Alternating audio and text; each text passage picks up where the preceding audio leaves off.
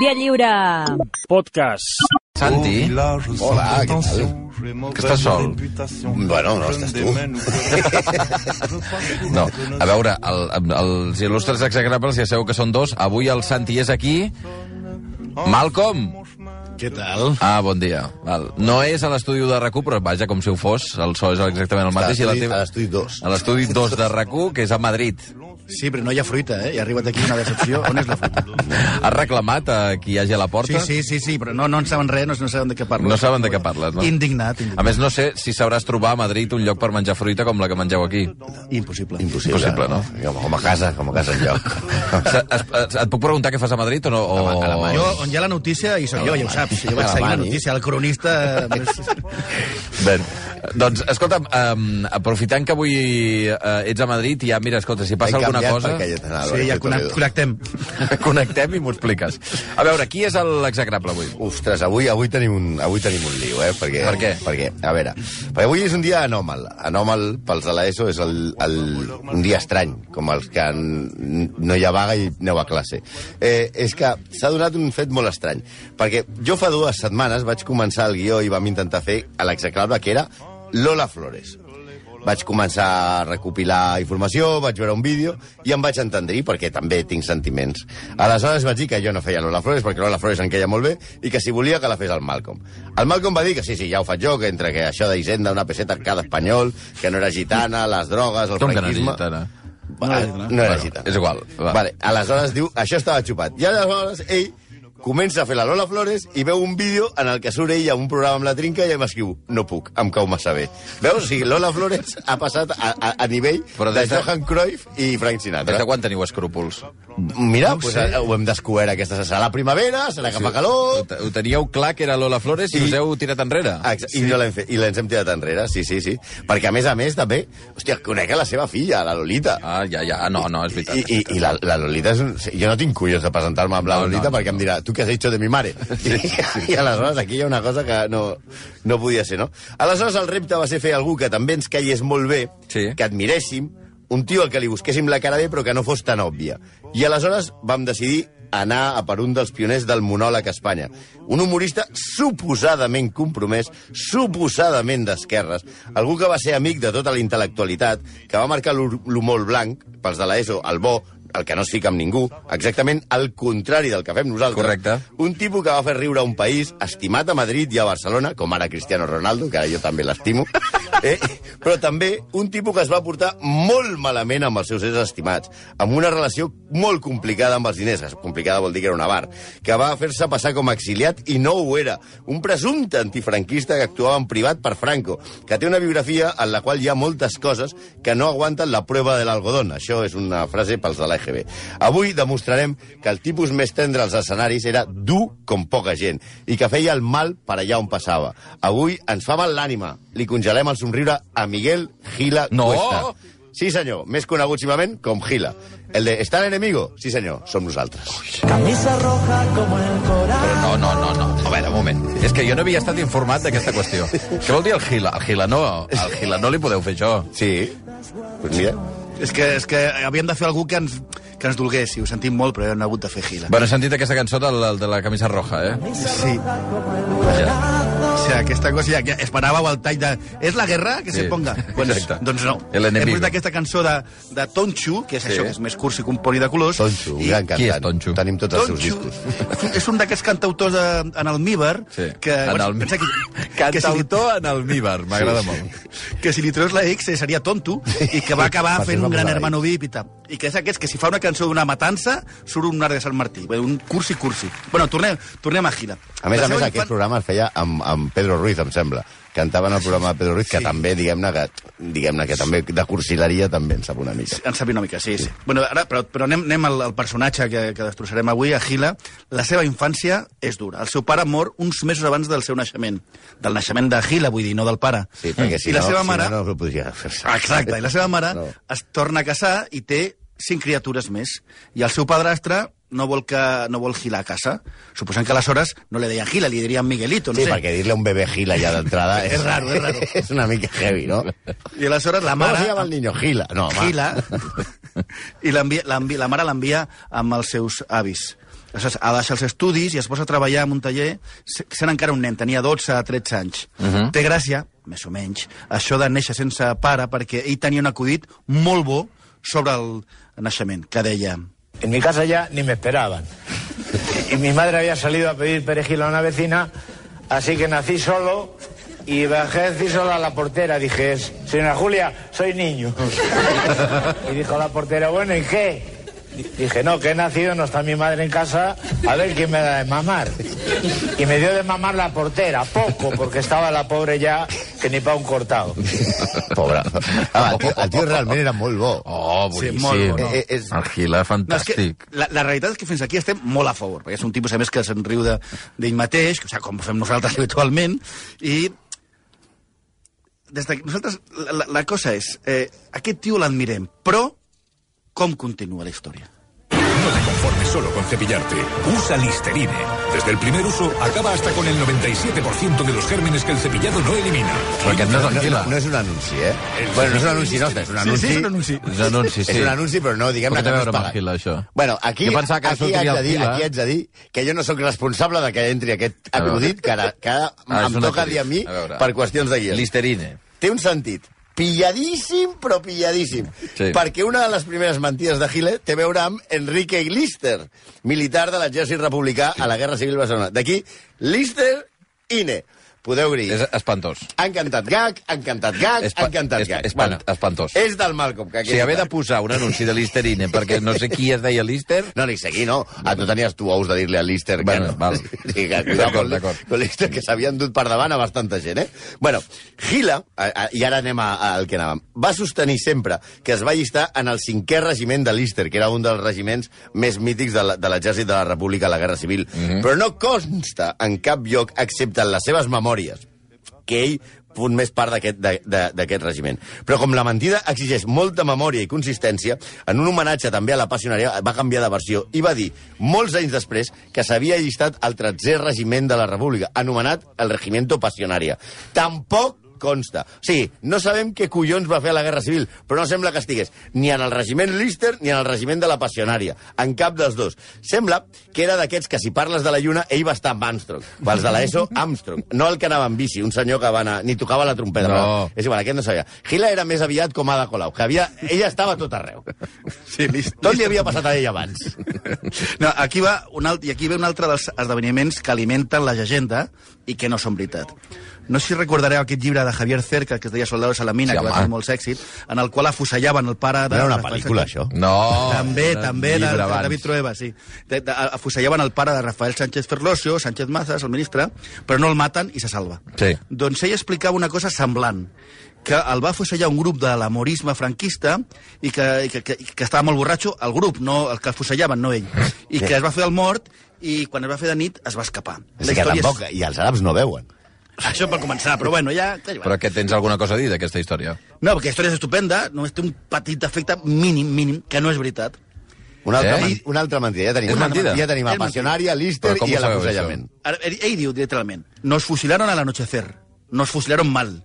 El piquete de ejecución lo componían un grupo de moros con el estómago lleno de vino, la boca llena de gritos de júbilo y carcajadas, las manos apretando el gatillo, el cuello de las gallinas robadas y con el ya mencionado ábrete sésamo de los vencedores de batallas. Aleshores, per què sabem que no és? El seu amic, l'escriptor Àngel Palomino, que tampoc és que fos d'ultraesquerra, aclareix contundentment. Mai, obro cita, mai el van afusellar, parlant de Gila.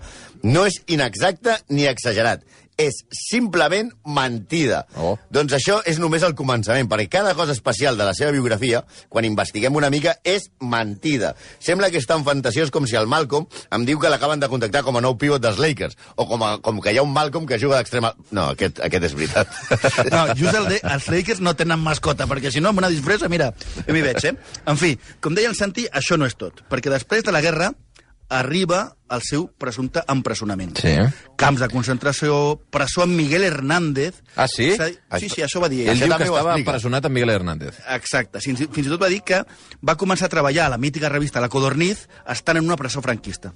Fins i tot, amb un estudi seriós d'un llibre que, de, que s'ha tractat d'un professor que es diu Francisco Navarro López, es diu que va estar a la presó. Entonces, he llegit la part del llibre on parla de Miguel Hernández, però el professor només cita com a referència les memòries de Gila, que clar, són mentida. Doncs, segons sembla, tot és molt dubtós que estigués pres, però ni un dia. Sembla que tan sols va trepitjar la presó. Joder, és que aquest tio tot és mentida. Aquest neix a l'època de Maldito Bulo, o Todo és mentira, i Risto deixa de viure d'Eduardo Inda i li dedica un any de programació. Mira, és que a més a més, ja, ja portem moltes mentides, però és que per molts autors que han investigat la seva vida, acabada la guerra no va ser ni empresonat, sinó que el van destinar a fer una segona mili. La mili, eh, pels de l'ESO, és una cosa que, bueno, tampoc us he explicat perquè tampoc l'he fet jo ni l'ha fet el Malcolm, per tant, era, era com anar a fer l'exèrcit, no? Però que, que aquest càstig li posaven a, a, a gent que era dubtosa que tornés a, a servir a la pàtria. I el van destinar al regiment infanteria Toledo, a Zamora. Que això, ja per començar, jo no entenc, no entenc les coses de l'exèrcit. Si el regiment d'infanteria es diu Toledo, què collons pinta a Zamora? O sigui, això, això deu ser per confondre l'enemic, perquè si no, no ho explico, perquè t'ataquen los de Toledo però vienen de Zamora, bueno, no és igual. Bé, si, eh, allà es fa, Gila, es fa xòfer del coronel i comença a col·laborar amb premsa i ràdio. Participava a Radio Zamora, del regiment Toledo, i escrivia al diari falangista Imperio. Oi. Oh, un, un gran nom pel diari, perquè si fos argentí seria Imperio Argentina, però no, es deia, el diari es deia Imperio. A Toledo, Llavors- Zamora. Llavors va ingressar a la organització sindical com a funcionari franquista del sindicat. És a dir, tot, tot el lío aquest que era antifranquista es va desmuntant, eh? Ai, ai, ai. Sí, sí, sí. Bueno, a veure, també t'hi trobes, eh? Vull dir que, a veure, aquí no... Sí, però si dius que has estat empresonat, Això i que sí. estaves a la presó i el que estàs és fent de xòfer d'un coronel, doncs no és el mateix. Ja, ja. Allà va començar a treballar a la Codorniz, eh, perquè un jefazo franquista, Carlos Pinilla, li va Mm. aconseguir també un treball al diari El Alcázar. Ho vull dir una altra vegada. El Alcázar! Ja us imagineu... Alcázar, coño. Que No se rinde. és- El Imperio del Alcázar abans sí que havia noms de diari com Déu mana. joder, l'Alcázar. Allò, Correo Català. L'Alcázar. Ja us imagineu que aquest diari no és un diari d'esquerres, és, és més al mundo que al mundo obrero, eh? Entonces, en el, el diari eh, Imperio va informar de l'acte de, de, de comiat hi ha una crònica titulada Adiós al camarada Gila. Durant la seva època, Carai. Zamora va pronunciar el pregó de festes, participaven la cofradia d'excombatientes a la Setmana Santa, bueno, antifranquista, antifranquista, una mica més, i és l'abat del Valle de los No, Caídos. home, eh? no, a veure, No, no, no, no, és que el tio està aprofitant-se de la història de moltíssima gent que va ser realment Hi ha, gent, hi antifranquista. ha gent que està patint molt, eh? Us he de dir. Hi ha gent que estan patint i que estan demanant clemència i que prou ja, eh? No, no, però és que hi ha gent que de veritat va lluitar contra l'antifranquisme i que va patir molt i, i no s'apropia d'aquestes idees que són... Miguel Hernández. Per exemple, els seus primers dibuixos, no els de Miguel Hernández, els de, els de Gila, no es van publicar a la Codorniz, sinó a la revista falangista Flechas i Pelayo. Ai, ai, ai, ai. Seguim amb els noms. Flechas i Pelayo. Ai, ai, Flechas ai, i ai. Pelayo. Ai, ai, ai, ai. Per seguir amb el seu antifranquisme, suposat, cada 18 de juliol, Sí. conmemoració de lanzamiento nacional... Sí, sí. Aquest dia, aquest dia és el dia de Sant, el Sant, Sant Santiago Abascal. Va. Gila anava a actuar en passi privat per Franco i la seva dona. Una juerga, suposo, eh? Havien de parar cada dos per tres perquè es pixaven. No de riure, sinó que ja tenien certa incontinència. Va, va, home, va, dir, va, va. Però si em direu que si t'ho demana el dictador, que és el que tu em deies, Sí, home, clar. no diràs veure, que no. Estàs en el ple franquisme i, i Franco demana Però- que vagis a actuar per ell. Bueno, doncs... Eh... Però aleshores no expliquis una versió alternativa dient que has sigut una mica més que la passionària o, o, o, o, o que Teresa Pàmies. No, hòstia, doncs assumeix el que ha sigut. Hòstia, la camisa aquesta vermella, ostres, eh, ja, ja et dona fet que, per què cantava el, el cursi aquest de babós del principi. ¿Jura usted decir la verdad, toda la verdad y nada más que la verdad? Sí, señor, se lo juro por mi padre, me afeito todos los días. Con la venia. Ni con la Denia ni con la Eugenia, con Filomatic. Porque es de suave, da un gustirrinín. Da un gustirrinín. Con Filomatic. Es tan suave. Y da un gustirrinín. Augusto Rinin... Pues, eh, no se vayan todavía, que aún hay más. No, a veure, más, Sí, más no. sí, perquè és que sí. avui estic patint bastant, eh? És que jo m'encanta Gila, o sigui, Ah, no m'ho podeu fer, també. això. I a nosaltres hem imagina't molt per- que guai ha de ser Lola Flores perquè haguem canviat la Flores per Gila. Sí, sí. No, doncs, doncs ara arriba a l'exili. I és que ell sempre parlava del seu exili, però exili, exili no sé si va ser, eh? Tampoc era veritat, això. No, està clar que va marxar a Buenos Aires, Bueno, això sí, home. i se'n va anar perquè la seva dona... Sap per què se'n va anar? Perquè la seva dona l'acusava d'adulteri i perquè tenia més líos de faldilles que Espartau que Santoni, que Ai, per ai. els de l'ESO com el Rafa Mora de les nostres iaies. a més, Que animal. En, A més, en un se suposa que no pots tornar. I ell, als anys 60 i 70, venia quan volia a Espanya, com López Raimundo. Però, de fet, Sí, el pobre López Raimundo que va estar vivint a París Sí, totes sí. les hores i entrant aquí eh, per veure el seu fill a les estacions de metro d'incògnit, aquest entrava quan volia. clar... Sí, de, de, de, fet, l'anunci que hem escoltat de Filomàtic, que era com la gilet nacional, Molt més bona, eh? Eh, és del 70, però una dècada abans ja feia aquests anuncis. A veure, que un exiliat no ve ni de vacances ni de rodar anuncis, hòstia, és que a veure si ens ho fotem al cap. Que es cansés de l'ambient carregat de la dictadura, mira, això ho admetem, d'acord. Ell mateix va dir que tenia empatxo de dictadura. Collons, com tots, i sobretot els que estaven a la presó. Però és que ell, ell no tenia cap problema amb la dictadura. De fet, ell torna a Espanya tota una estrella feta al 1885, deu anys més tard del famós...